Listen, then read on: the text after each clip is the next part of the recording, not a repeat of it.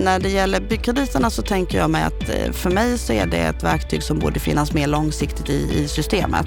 Och då handlar det ju om samma sak, att man får ju med, liksom, är det så att behovet skulle visa sig vara mycket större i ett läge när bostadsmarknaden går, eh, bostadsbyggandet tvärnitar, eh, kanske till och med kraschar, så skulle man ju fylla på i min värld.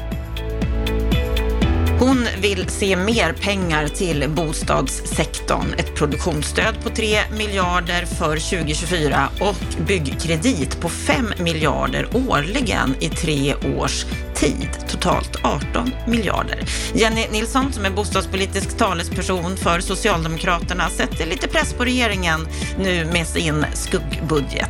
Hon sätter också press för att hon vill ha samtal med regeringen. Hon vill hitta en långsiktighet för branschen framåt. Kanske lätt att säga när man sitter i opposition. Varmt välkommen till Bopolpodden där vi den här veckan ska få träffa Jenny Nilsson och verkligen höra hur hon ser på sin uppgift som bostadspolitisk talesperson, vilka långsiktiga spelregler hon tror kan fungera i den speciella tid vi är i nu där bostadsbyggandet totalt har kraschat.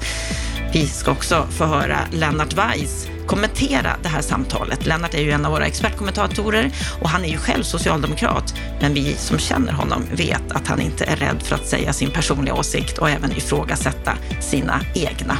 Så varmt välkommen till Bopolpodden. Varmt välkommen till en ny vecka. Jag heter Anna Bellman. Allt fler efterlyser blocköverskridande reformer, att bostadspolitiken behöver samla sig och vara riktigt långsiktig, inte bara tänka mandatperioder. Och i den här bostadskrisen som vi befinner oss i just nu, hur tänker oppositionen egentligen? Sen ett år tillbaka så är hon i opposition och Socialdemokraternas bostadspolitiska talesperson. För några veckor sedan så kom deras skuggbudget. Om den, om bostadssituationen och om livet, ja det ska vi prata om nu. Så varmt välkommen till Bopolpodden, Jenny Nilsson. Tack så jättemycket. Vad är din sinnesstämning idag? Ja, kopplat till situationen på bostadsmarknaden så är den lite låg eller dyster. Jag är väldigt bekymrad över eh, hur utvecklingen ser ut och jag är också väldigt bekymrad över avsaknaden eh, av politiska åtgärder från regeringen. Mm, det har vi märkt i media. Livet i övrigt då, hur mår du där? Just nu är jag lite förkyld så att eh, möjligen att jag får hostattacker här, men eh, annars är det bra. Mm, härligt att höra. Om vi först ska få en bild av dig som person. Du har en bakgrund som vårdbiträde. Stämmer. Har jobbat inom SSU som ung. Du valdes in i kommunfullmäktige som 22-åring 94. Och eh, var riksdagsledamot sedan 2006. Under några år så var du landsbygdsminister men avgick för att rädda Stefan Löfven för, förra sommaren när det var den här speciella grejen om fri hyressättning i nyproduktion. Hur var det? Nej, men det var ett enkelt beslut att avgå. Givet att eh, det handlade ju inte bara om att rädda Stefan Löfven utan det handlade ju om att rädda regeringen i ett läge där oppositionen gjorde något som i min mening var väldigt oheligt. Vänsterpartiet som var emot och ville stoppa en utredning från att gå på remiss, vilket i sig jag kan tycka är märkligt, märkligt sätt att hantera det oavsett vad man tycker om sakfrågan.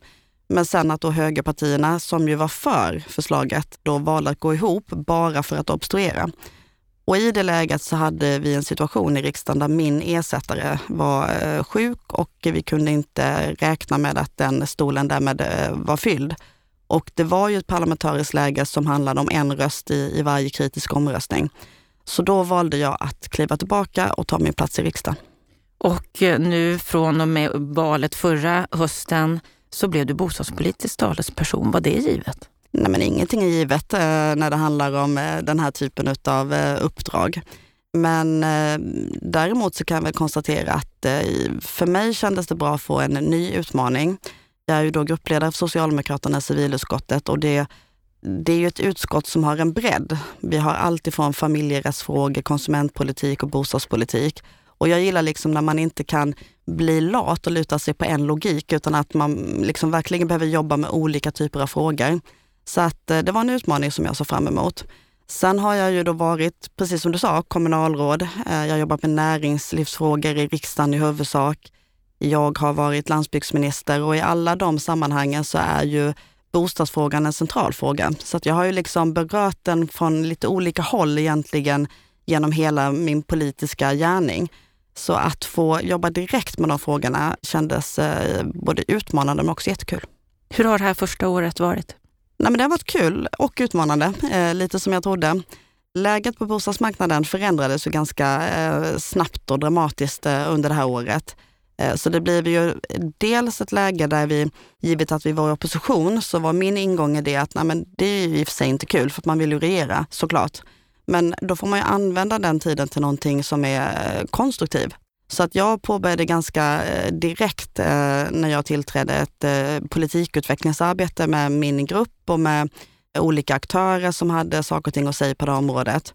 Och sen så kom ju den här tvärniten här och då blir ju frågorna politiskt intressanta och högre upp på dagordningen med en gång eh, och krävde att vi kanske snarare snabbade upp det här arbetet som vi kanske hade tänkt skulle ta några år. Så att det har varit det har varit mycket jobb, men det har också varit kul jobb så tillvida att jag upplever att vi som parti faktiskt tar steg. Vi blir allt mer konkreta och det här har blivit ett politikområde där skillnaden på regeringens politik och eh, eh, oppositionens och Socialdemokraternas politik är väldigt tydlig.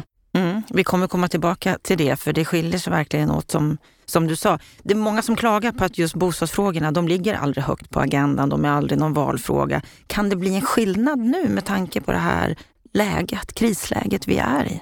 Nej, men jag tror att krisläget i sig gör att intresset för frågorna ökar såklart. Jag tror också att eh, det ger en möjlighet att prata liksom om vad bostadspolitik faktiskt handlar om. Liksom det är lätt att se det korta perspektivet att en bostad är central i varje människas liv. Det är en förutsättning för att du ska kunna flytta hemifrån, skilja dig, eh, flytta till jobb eller utbildning. Men för mig så handlar ju bostadspolitik eh, också om eh, tillväxtfrågor. Det är motorn i, i, i tillväxt. Det är jobb och, och, ja, det är jobb helt enkelt i hela landet. Och det påverkar konjunktur så att det kan driva på en nedgång, det kan förlänga en konjunktursvacka och det kan fördröja en uppgång. Och givet att man liksom ett får upp intresset för den, folk ser vad det betyder för dem själva och man kan koppla det till jobb och tillväxt och vad det betyder för samhälle och samhällsutveckling, så är min bedömning att det finns goda chanser att eh, bostadspolitik faktiskt kommer att bli en lite hetare politisk fråga än vad det kanske har brukat vara. Mm, vi får verkligen hoppas det, för det behövs ju i det här läget som vi är i just nu. Vad skulle du säga är den enskilt största utmaningen idag? Ja, alltså det är ju att det inte byggs, om man ska säga liksom en utmaning. Sen tror jag inte att lösningen på det är en eh, sak, liksom en nyckel, så att gör man bara det så löser sig problemet. Min bild är väl att man behöver titta både på det korta perspektivet, alltså krisen här och nu och vad som krävs för att hålla igång eller åtminstone hålla uppe eh, produktion eh, i ett krisläge. Men sen är ju också min bild att det liksom fullkomligt eh, saknas långsiktiga spelregler för den här branschen. Och jag som har då jobbat med näringspolitik i näringsutskottet under många år i riksdagen har ju lite nästan svårt att förstå eh, hur politiken inte kan se sitt eget ansvar i att det är vi som ändå måste sätta de långsiktiga spelreglerna för stora privata investeringar som vi förväntar ska göras och som är nödvändiga för den samhällsutveckling som, som vi vill se. Så att jag ser att man behöver jobba både konkret här och nu, men jag skulle också vilja se att man tog lite större grepp och också satte eh, fast långsiktiga spelregler över blockgränser som, som skapar förutsättningar för att man bygger på en, den nivå som man vill ha över tid. Mm, det är väldigt intressant tycker jag att du som hög politiker säger det här, att ni inte har tagit ert ansvar. Vad beror det på tror du? Nej, men säkert delvis att inte frågan kanske har legat tillräckligt högt uh, upp på den politiska dagordningen. Eh, och sen ser vi ju allt mer på allt fler politikområden för allt i världen att det politiska samtalet blir polariserat. Och det är viktigare att peka på vad man inte är överens om än att försöka hitta lösningar eh, från och till. När det gäller bostadspolitiken som jag ju då, jag kan inte säga att jag är ny för jag har på med den i ett år, men jag har liksom varit fascinerad under det här året över också lite grann ingångarna i det. Både hos politiker själva men också eh, liksom i, de, i betraktarens ögon av, eh, av politiker. Och för mig blir det något, lite, så lite fördummande nästan att, att man är för eller emot en upplåtelseform. För mig är det helt ointressant i någon mening. Man kan ju inte som politiker tycka att en upplåtelseform är den enda rätta upplåtelseformen. Jag tror ju på att man behöver bygga blandade samhällen och, och blandade bostadsområden för att möta olika behov och så vidare. Så att där går jag mest runt och är förvånad varenda gång liksom det blir den typen av diskussioner. Att det blir lite för snuttifierat ja, eller felaktigt fokus? snuttifierat. Det är klart att man som socialdemokrat är jag för eh, hyresrätter, vilket ju också är liksom bilden av att vi ska vara. Men det betyder ju inte att jag inte också är för att man ska kunna bo i en villa eller i ett radhus. Min poäng är ju att människor ska kunna genom livet välja att bo på det sätt som passar ens livssituation. Och för de allra flesta av oss så betyder det att vi någon gång vill bo i en hyresrätt och någon gång i ett ägt boende och sen kanske i en hyresrätt igen. Och då måste ju liksom alla delar funka och vi måste ha en politik som främjar att alla delar liksom kan byggas. Och jag är lite intresserad och vill ändå fortsätta gräva lite i det här med det egna ansvaret. För ni kom ju faktiskt från en situation med fyra år vid makten. Tog fram en hel del bra utredningar, startlån bland annat, som ju många bara säger det här är ju bara att driva igenom. Varför gjorde ni inte mer? Dels tycker jag att vi gjorde ganska mycket i och för sig, för måste jag ju ändå börja säga. Men jag skulle vilja säga att ska man backa på det här med det politiska ansvaret så ska man nog kanske backa tillbaka till efter 90-talskrisen och liksom att, att något i det eller efter det gjorde att politiken ehm, eh, drog sig tillbaka och säkert på vissa områden med rätta, men man eh, kom liksom aldrig, samlade sig aldrig kring någonting nytt. Och sen så var det väl så ett tag. Jag tycker dock att de senaste åtta åren så tog den socialdemokratiska regeringen ändå ansvar för, som du säger, att utreda ett antal olika saker eh, för att få ett antal olika spelregler på plats. Vi införde också en del saker, exempelvis investeringsstödet för att eh, möta en del utmaningar såsom att eh, kostnadsläget är för högt för vissa grupper. På vissa ställen kan man inte bygga för det finns ingen marknad för det och så vidare. Det var ju aldrig accepterat utav högersidan eh, och det är mm, extremt olyckligt när man för in och, och plockar bort och för in och plockar bort på det sättet som blev. Men det var ju liksom vårt svar på det. Vi mötte efterfrågan, eller diskussionen om att inte unga eh, eller nya alltid kan efterfråga eh, ett ägt boende genom startlånsutredningen exempelvis. Och vi tillsatte ett antal utredningar kopplat till riksintressenas alltså överlappning och statens ansvar och regelförenkling, eh, för att ta några exempel. Sen är inte det nog och framförallt så är det inget helhetsgrepp och det är heller inte, vad ska man säga, det finns heller ingen man har inte tagit tillräckligt mycket fasta på en minsta gemensam nämnare mellan politiken, för det har inte funnits ett intresse för det, upplever jag. Kanske av någon sida och särskilt inte utan, eh, utav högerpartierna om man ska vara helt krass. Och det blir en brist i sig, för då kan man nästan göra vilka bra saker man vill. Men om de inte marknaden eller den som ska investera litar på att systemen håller, så kommer man ju ändå inte att våga investera i dem. Nej, och du nämner ju här många utredningar som ni gjorde, att det var mycket ni, ni åstadkom, men vi har ju lite av en utredningssjuka i vårt samhälle och i politiken, att det tillsätts mycket utredningar men de leder ingenstans. Det är i alla fall det kritikerna menar. Kan, kan du hålla med om den kritiken? Men både ja och nej. Det är klart att man inte alltid åkar eh, följa upp på någonting. Man kanske inte får den politiska majoritet eller stöd för ett eh, förslag som finns i en utredning. Men med det sagt så Alltså i ett land som Sverige som ändå av många investerare, inte minst internationella investerare, uppskattas för att det är ordning och reda och man vet eh, konsekvenser av beslut och annat, så är det ju nästan enda sättet att få fram ett tillräckligt bra beslutsunderlag. Men det räcker ju självklart inte att bara utreda. Man måste ju också leverera politik, är en självklarhet. Hade du önskat att ni hade gjort mer? Jag tror att vi gjorde ungefär, nu pysslade ju inte jag med de här frågorna när jag satt i regeringen, så, så med lite reservation för att jag inte har stenkoll på, på, på alla delar i det. Men min bild är väl att vi ändå gjorde ganska mycket av det som vi tyckte var prioriterat. Däremot så önskar jag väl, och vi bjöd också in till bostadspolitiska samtal eh, under de åren ska jag säga, som, som högerpartierna valde att eh, ja, inte vilja eh, sitta med i.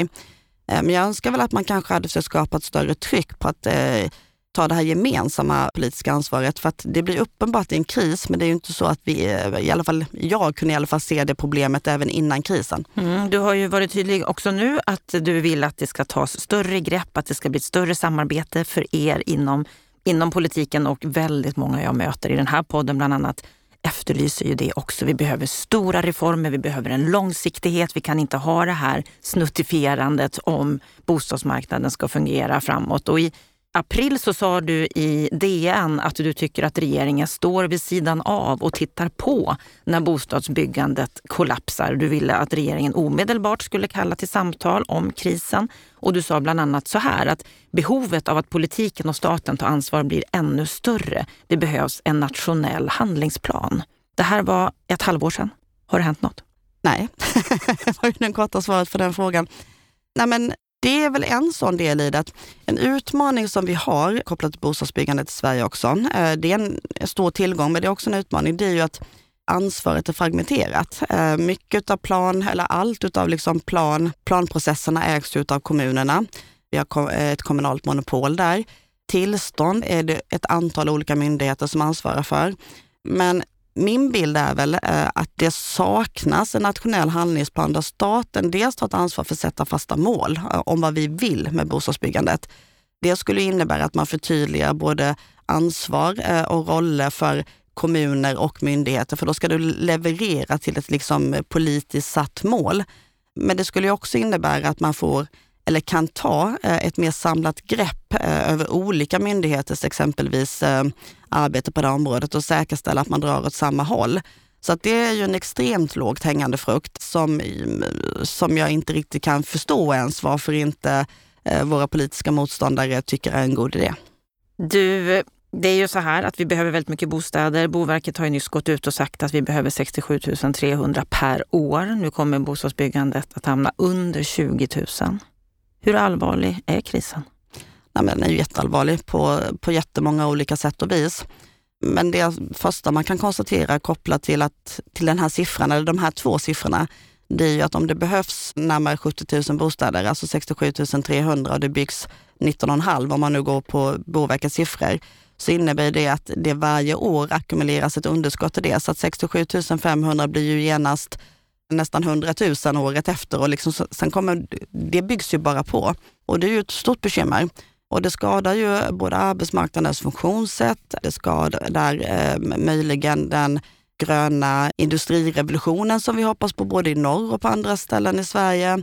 Det skadar företag i överallt möjlighet att kunna rekrytera kompetent personal, ungas möjlighet att flytta hemifrån. Ja, Mm. Det är väldigt mycket. stora konsekvenser. Dessutom så kan man väl konstatera att det här är ju en sektor som man brukar säga att varje byggnadsarbetare eller med varje byggjobb som, som skapas så skapas det tre till fyra jobb till eh, i en annan sektor. Nu är det inte så enkelt såklart, men med, liksom, om du bara vänder på den logiken så innebär det att för varje byggjobb som försvinner så försvinner det i sådana fall kanske tre till fyra eh, jobb i, i andra sektorer. Så att det får ju också kringeffekter på, på arbetsmarknaden och på branscher i övrigt som vi inte ens riktigt kan överblicka skulle jag säga just nu. Mm. Och som du säger, den här industrirevolutionen i norr och som också finns ju naturligtvis på andra ställen också, den är ju hotad. Den är definitivt hotad. Vad behövs där skulle du säga? Nej, men om du tittar på bara själva den utveckling som vi ser kring de eh, ofta mindre orter eh, som nu får väldigt stora investeringar i eh, industrier som ska bidra till omställningen både i Sverige och i världen, så förutsätter ju det för att de ska kunna leverera på det här, att, de kan leverera, eller att vi kan leverera arbetskraft. Och ska vi kunna det så måste människor kunna flytta till de här orterna, eh, för där finns inte ens en befolkning som är stor nog att eh, liksom kunna fylla upp det behov som finns. Och får du då inte bostäder så antingen så riskerar man ju att investeringar inte blir av för att man inte kan lösa liksom kompetensförsörjningen till, till industrin. Alternativt att du får någon form av fly-in, fly-out-orter eh, eh, med alla de problem som det innebär. Eh, det blir inga skatteintäkter till kommunerna som tar de här stora investeringarna. Det blir ett stort tryck på dem utan att man då har de här skatteintäkterna för att leverera den service som krävs den sociala sammanhållningen och så vidare blir hotad och problematisk. Så, att, så det är jättebekymmersamt och mest troligt är väl att vi kommer att förlora investeringar om inte vi kan lösa det här. Mm. Du beskriver det här väldigt väl. Jag träffade Skellefteå för ett tag sedan och de understryker det här att de behöver inte bara bygga bostäder, det är ju hela infrastrukturen som måste byggas om med ny hamn och nya skolor och allt annat runt omkring som behövs. Och Skellefteå tar hela risken. Mm. Och får de fly-in, fly-out, då får de inga skatteintäkter och kan inte finansiera alla de här investeringarna. Borde staten ta ett större grepp? Ja. På vilket sätt? Nej, men dels, vi tillsatte ju en samordnare som jag tror att faktiskt eh, Peter Larsson. regeringen precis, eh, har behållit eh, och det är ju en god sak. Han är kvar. Precis, det är en god sak för då har man ju någon som för staten eller sida liksom ändå försöker samordna de insatser som finns. Men sen behöver du fylla på med vissa, alltså du behöver fylla på verktygslådan om jag säger så då. Och tittar man på det som jag jobbar med närmast nu då, bostäder som ju är en central del i detta, så har ju vi eh, konstaterat att vi anser att eh, finansieringsfrågan är eh, en nyckel. Det är inte rimligt att vare sig en liten kommun eller att marknaden ska själv ta den risken och lösa ut den mängden volym på bostäder som behövs på en marknad där man dessutom i nuläget, när du bygger så är värdet utav det du har byggt mindre än vad det kostade att bygga. Så att här finns ju liksom flera utmaningar i konceptet. Så att då har vi konstaterat att vi ser framförallt två åtgärder som, som vi tycker behövs i det korta perspektivet. Eh, och det ena är att vi behöver en form av produktionsstöd. Vi har valt att eh, i vår skuggbudget rikta den till studentbostäder och eh, ungdomsbostäder och till mindre orter med stora industrietableringar. Den andra delen är att vi anser att det behövs byggkrediter, alltså kapital. Staten behöver gå in och dela risk både med investerarna och med eh, bankerna eller eh, finansiärerna. Och då har vi sagt att det är rimligt att staten kan gå in och ta 20 procent till långsiktiga eh, statslåneräntor för de här projekten så att de får bättre förutsättningar att kunna komma igång. Mm. Och det här produktionsstödet det ligger i budgeten på 3 miljarder Ja. och eh, som du sa byggkrediten på 5 miljarder. Hur, hur långt räcker det här? Nej, men det får man väl skruva lite grann i. Det man ska vara medveten om är att det här är ganska långa processer. Så att när man lägger en budget så är det hur mycket pengar som du liksom tror att du behöver nästa år eller möjligen i en treårsplan. Och de har ju lite olika karaktär de här. Så att när vi säger 3 miljarder till, till produktionsstöden så är ju det stöd som betalas ut när projektet är färdigt. Så att det blir ju liksom baktungt om man säger. Medan när det gäller byggkrediterna så har vi gjort en uppskattning i nuläget att vi anser, eh, tror att det kommer att behövas ungefär 5 miljarder årligen eh, under de här tre åren. Så att det blir ju mer än 8 miljarder givet att det här hade blivit verklighet. Eh, så vi skissar ju egentligen på vad blir det 15 plus 3 då, 18 miljarder under en treårsperiod i nuläget. Och det är såklart en uppskattning, men det är den bästa siffra vi kunde uppskatta givet att vi inte sitter på departement med hundratals eh, tjänstemän som kan räkna åt oss. Nej, Men jag tror den du- ligger ändå ganska rimligt. Mm, men ni gör ju en skuggbudget. Den ska alltså ligga inom samma ramar som regeringen har lagt sin budget inom. Om man bortser då från de ramarna, hade du kunnat tänka dig om ni då hade haft fler som kunde räkna åt er och haft en annan ställning att, att lägga ännu mer pengar på just bostadssektorn? Att räkna är ju inte grejen här. Det svåra är liksom att göra en uppskattning i förväg. Min bild är att vi har lagt, eh, eh, det viktiga är att få systemet på plats. Det behövs ett produktionsincitament. Hade trycket, eh, så får du sätta kriterier för vad det är som ska uppfyllas för att du ska få dem. Och vi har ju valt att, att tycka att man ska villkora statliga stöd mer än vad man har gjort historiskt. Det är rimligt att du kräver av byggherren att man tar klimatansvar och bygger mot en viss eh, klimatprestanda till exempel. Det är rimligt att man kräver att man tar socialt ansvar eh, och, och tar på sig att eh, ha sociala kontrakt och annat. Men givet att man uppfyller det, om behovet då eh, är större, så får man fylla på potten liksom när, när du väl har talat om för branschen att det här är ett verktyg som vi har och som vi tror på. Nu tror vi att det kanske ska vara eh, tidsbegränsat eh, i det här läget, men du ska ju eh, låta dem som uppfyller kraven, alltså möter ett behov som vi har identifierat, givetvis få ta del av stödet. När det gäller byggkrediterna så tänker jag mig att för mig så är det ett verktyg som borde finnas mer långsiktigt i, i systemet. Och då handlar det ju om samma sak, att man får ju med, liksom, är det så att behovet skulle visa sig vara mycket större i ett läge när bostadsmarknaden går, eh, bostadsbyggandet tvärnitar, kanske till och med kraschar, så skulle man ju fylla på i min värld. Och ge ännu mer. Du träffade ju branschen tillsammans med Mikael Damberg för några veckor sedan. Fick du liksom känslan av att ja, er, era, era förslag, det är det som kommer att göra skillnad? Jag har faktiskt aldrig någonsin eh, som politiker eh, fått så mycket positiv eh, feedback och cred på ett politiskt förslag som jag har lagt som på de här, får jag väl i och för sig säga, så det är kul. Vi hade ett väldigt bra samtal med branschen. Sen har man ju olika preferenser i vad man skulle föredra. Man förordar lite olika saker. Men samstämmigt upplever jag är ju eh, att man identifierar eh, finansiering och kapital som ett problem. och jag upplever att man tycker att vårt förslag är ett bra förslag, även om man kanske hade andra förslag liksom initialt när man pratade om det. Produktionsincitament har ju varit eh, historiskt mer eh, kontroversiellt eh, även hos branschen. Men just nu så upplever jag att merparten av branschen välkomnar förslaget. Fick du några nya insikter som du inte hade innan? Ja, både ja och nej. Politiker har ju ofta bättre koll på läget än vad branschen tror, får jag väl säga då. Så det är ju inte så att man eh, kommer till sånt här möte liksom clueless, utan vi jobbar ju med de här frågorna eh, brett och vitt.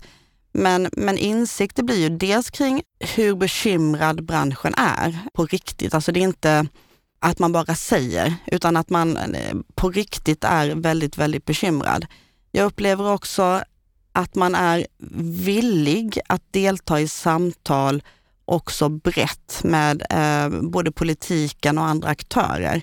Man efterfrågar, precis som du säger, den här långsiktigheten eh, och är beredd att eh, bidra och spela in till den. Och jag tycker också att man signalerar att man förstår eh, att politik också är förhandling. Det finns en Någonstans förståelse för, ja, för, för, för det, det, politiska spelet ja, så att säga, samtidigt som man vill ha de här långsiktigheten som räcker över mer än en mandatperiod. Om vi tittar på vad regeringen har lagt för förslag i sin budget så är det ju bland annat att taket för ROT ska ökas från 50 till 75 000 per person och år. Att man ska se en planeringsstimulans för konvertering av lokaler till bostäder, vilket är krångligt idag. Och en planeringsstimulans och bonus till kommuner som planerar för fler småhus. Det är några av de sakerna som, som regeringen har lagt. Hur ser du på deras förslag? Ja, först får jag väl säga att det är de enda förslagen som regeringen la. Eh, det finns inga fler även om du letar runt i budgeten. Nej men eh, jag kan väl eh, konstatera att jag är lite förvånad över att de väljer när de skruvar i rot. Alltså jag kan tycka att det finns ett behov av konjunkturstimulanser egentligen som, som fasta mekanismer. Och en gång i tiden så var ju rot precis det för att hålla igång byggnadsarbetare så att de inte rann över till andra branscher och så här. Det är ju lite svårt att göra när den är permanent och jag kan förstå instinkten i att då vilja skruva i systemet. Det gör ju vi också, för vi föreslår istället att man ska höja avdraget till 50 procent för eh, energieffektiviseringsåtgärder, för det tror vi ett, eh, får bättre effekt, två, möter fler utmaningar. Jag har lite svårt att se hur ett höjt tak kommer att generera jättemycket mer jobb i det här läget när folks eh, ekonomier är väldigt ansträngda. Så den är knepig och väldigt dyr så som de har utformat den. De andra två förslagen, vi har ju valt att inte säga, och det säger vi nej till. Vi föreslår att man istället liksom ökar, införa inför en grön rot och öka liksom avdraget på den. De andra två förslagen säger vi ju för allt i världen ja till. Jag har inga problem med att man ger stimulanser. Men då måste man ju ändå inse att det här är ju förslag som, som påverkar på marginalen på sikt. Det är ju ingenting som löser en situation här och nu. Och tittar man på beloppen, 20 miljoner för 290 kommuner att dela på för att konvertera om lokaler. Det vore spännande att se eller få höra, vilket jag inte hört dem säga ännu, hur många bostäder det blev då. Byggstimulanser, eh, absolut, men man borde ju i sådana fall riktat dem eh, om du vill ha haft lite bättre effekt på det. Exempelvis eh, för att säkerställa att du får en blandad bebyggelse i segregerade områden. Och då borde man väl rimligen tycka att det är bra att man, man hade planerat för hyresrätter och bostadsrätter också, givet det. Det hade varit mer logiskt. Så att eh, små åtgärder, liten effekt, tondövt givet hur situationen ser ut. Ja, regeringen och bostadsministern Andreas Karlsson har ju, man kan säga nästan lagt om lite grann av bostadspolitiken till att verkligen prioritera småhus. Hur ser du på det? Men återigen, nu är vi inne i det där att man är för eller emot eh, upplåtelseformer. Eh, och jag tycker det är illa nog när liksom riksdagspolitiker eller eh, ja, vanliga politiker gör det. Att en minister gör det på det sättet som nuvarande bostadsminister gör tycker jag är djupt bekymmersamt. Det är också svårt att se, eh, för att bostadsministern säger ju samtidigt, han, han invänder ju inte mot eh, de behov, alltså närmare 70 000 bostäder som ska behöva byggas. Och menar han då att det ska vara 70 000 eh, småhus, ja det kan han ju mena, men då har han ju inte överhuvudtaget levererat en politik för att det ska ske.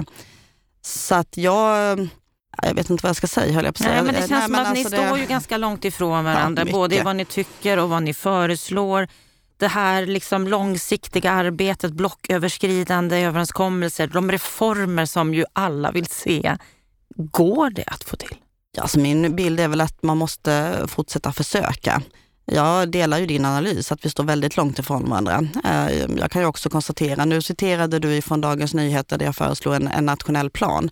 Vi har ju sen i en månad senare följde vi upp med att tycka att man ska inrätta en, en bostadskommission för att hantera krisen på kort sikt och skapa långsiktiga förutsättningar. Båda de här sakerna säger man ju nej till.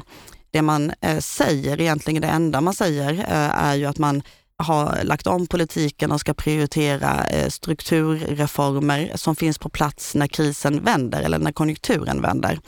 Och lyssnar man in liksom på vad, eh, alltså, ska man tolka det rakt av? Jag kan inte tolka det på något annat sätt än att det betyder att man tänker inte göra någonting eh, för att dämpa fallet. Eh, man tänker heller inte göra någonting för att snabba på uppgången utan man ska vara redo när det vänder. Och då är det lite spännande att se eh, och ha haft en diskussion om vad är då de här strukturella reformerna.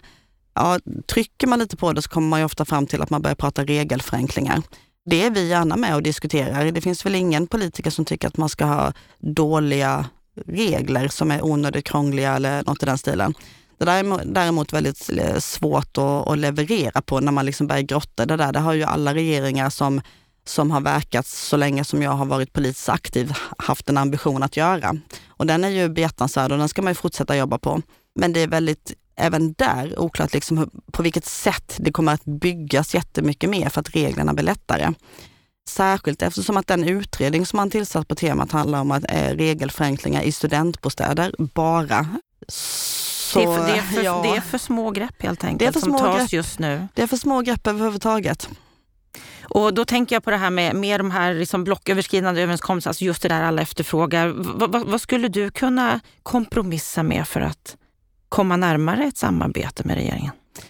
Nej, men att förhandla betyder ju givetvis att man kompromissar också. Och för mig eh, så är ju det inget konstigt. Jag har ju också en facklig bakgrund. Eh, så att mm, det är liksom, det är den svenska modellen i min värld. Att det viktiga är ju hur du värderar resultatet. Eh, och sen får man ju värdera, eller då liksom väl, eh, ja, avgöra, tycker du att helheten och slutresultatet är värt liksom vissa kompromisser? Eh, och det är så man gör tyvärr har vi en, en, en attityd i politiken idag som handlar om uh, my way och the highway någonstans. Uh, och det är ju inte ett sätt att uh, förhandla. Det är inte konstruktivt, det för ingenting framåt.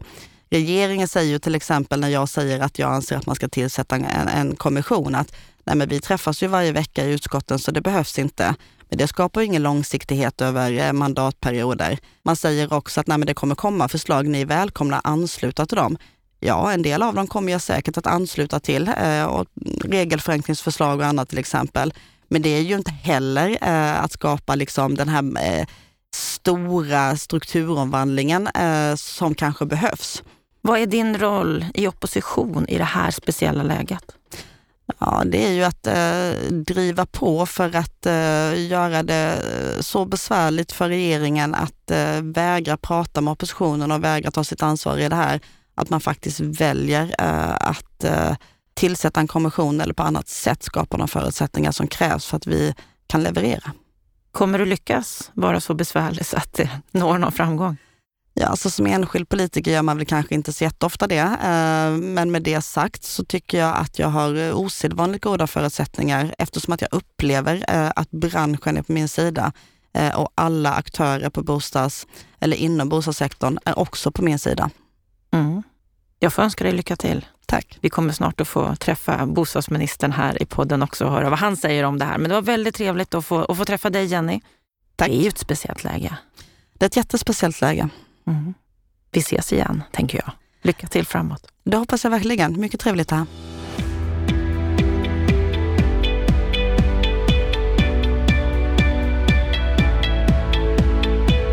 Ja, då har vi hört samtalet med Socialdemokraternas bostadspolitiska talesperson Jenny Nilsson. Och nu vill vi höra din kommentar på det här samtalet, Lennart Weiss. Trots att du ju också är socialdemokrat så är du ju ganska van att ifrågasätta dina egna. Vad säger du om det här samtalet?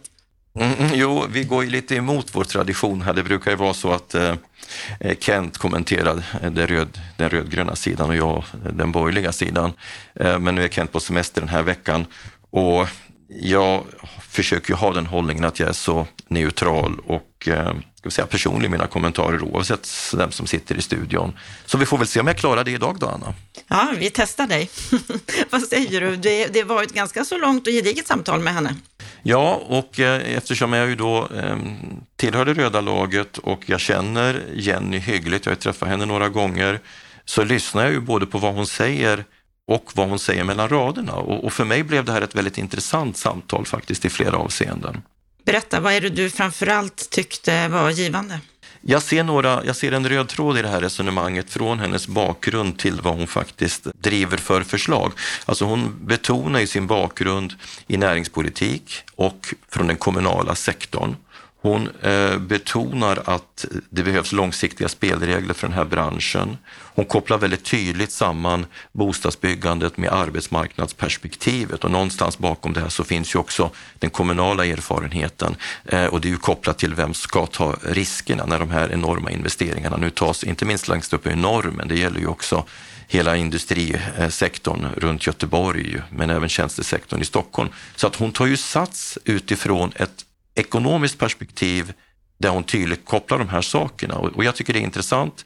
Jag tycker dessutom att det är bra, jag tycker det är så man ska resonera och det gör ju också att eh, med den ansatsen så tvingas man ju också formulera förslag som biter. Eh, men jag ser en röd tråd där och det uppfattar jag faktiskt som en ny signal som, eh, ja jag hörde inte den förut. Det, det känns intressant och eh, spännande.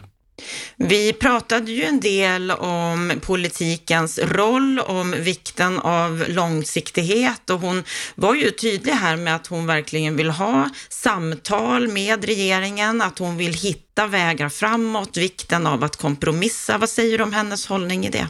Jag tycker man ska titta lite på vad hon säger eh, apropå den politiska agendan först. Alltså, jag noterade ju att hon gör en koppling till 90 1990-talets systemskifte och konstaterar det branschen är enig om, att, att, ehm, så att säga, politiken väntar fortfarande på ett svar på hur bostadsbyggandet ska upprätthållas på en rimlig nivå om den helt ska förlita sig så att säga på marknadens aktörer, hushåll, banker eh, och fastighetsaktörer och så. Hon konstaterar ju att politiken aldrig skapade den typen av svar. Och det är ju det våra grannländer har gjort, det är det många andra länder i västvärlden har gjort. Och vad är det hon säger då? Ja, hon lyfter ju fram två perspektiv här.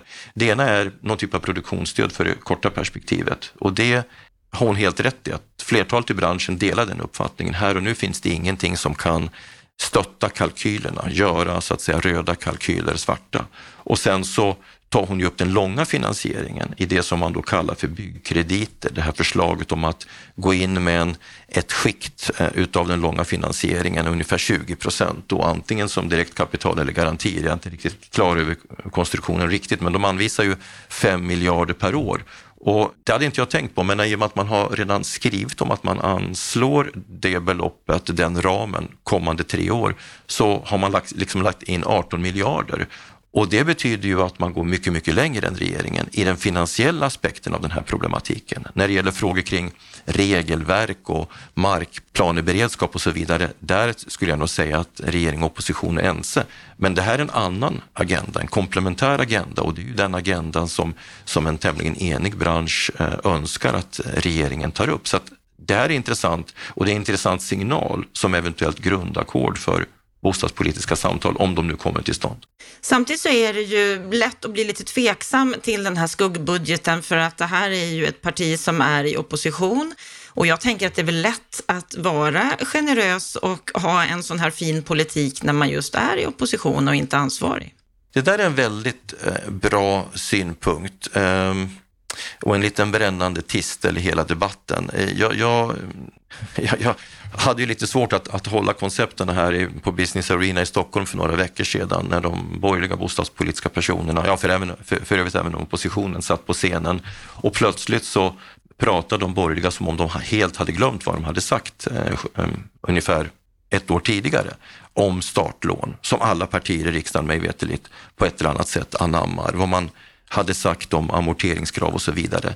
Och där brast det lite för mig, men det, det, gör det inte bara för mig kan jag säga. Det finns en väldigt stark irritation i branschen över att de politiska partierna och inte minst de bostadspolitiska talespersonerna har en tendens att säga en sak före valet och blir det sen maktskifte så att man får makten, då säger man någonting annat. Så där kan man ju säga att eh, Jenny höjer insatserna. Eh, säger man de här sakerna nu, då förväntar sig branschen att de också genomförs om det blir ett maktskifte. Och på tal om startlånen så är ju det en punkt som Socialdemokraterna fortsatt driver också. Men för både Jenny Nilsson och Johan Löfstrand har ju gedigen erfarenhet och kunskap från det här området. Men det finns ju en skillnad mellan dem som jag tycker är intressant och det är ju att Jenny har varit statsråd, hon har varit kommunalråd, hon har jobbat även med näringspolitik. Båda de här personerna vet jag har goda relationer med Mikael Damberg och, och har så att säga Mikaels öra men även Magdalena Anderssons öra. Så på den punkten råder ingen skillnad och Johan kommer göra ett bra jobb tror jag i Sveriges allmännytta som ordförande. Men Jennys lite bredare erfarenhet ger henne kanske också en lite större tyngd. Så att jag hoppas och jag tror att det, det, finns en större, det finns större förutsättningar för att det man säger i opposition nu också skulle kunna bli, bli regeringspolitik vid ett eventuellt maktskifte. Och dessutom så tror jag hon skulle vara tung i en eventuell bostadspolitisk förhandling. Och det här då med att hon efterlyser samtal, är beredd att kompromissa. Tror du vi kan få se något sånt under den här mandatperioden, att det faktiskt blir lite mer långsiktig politik? Jag är väldigt osäker. Det är definitivt på det sättet att, sån, att det vore angeläget om sådana samtal eh, kom till stånd. Därför att det råder nu lös, eh, låsningar inom, på vissa nyckelpunkter som bara kan få ett långsiktigt svar i en kompromiss över blockgränserna. Det tror jag att båda sidorna i grunden är väldigt ense om. Men då är frågan, vad är det som hindrar? Ja, det som dels hindrar det är ju att man tyvärr stänger dörren åt respektive håll när man sitter i majoritetsställning. Socialdemokraterna visade inget större intresse för det förra mandatperioden. och Nu får man så att säga lite betalt för det. Men samtidigt så tycker jag att ansvarsfulla politiker måste ställa sakfrågorna först. Och med tanke på den enorma problematik vi har på branschen nu, alltså det är ju en kollaps, det är ju en tvärnit. Det, det, det är ju, alltså det här är den värsta situationen som vi har haft sedan 1990-talet och det säger ju till och med Boverket nu. Och Ingenting talar för att vi kommer att ha en vändning i närtid. Tvärtom så talar allt för att det här tillståndet kommer att hålla i sig ganska länge.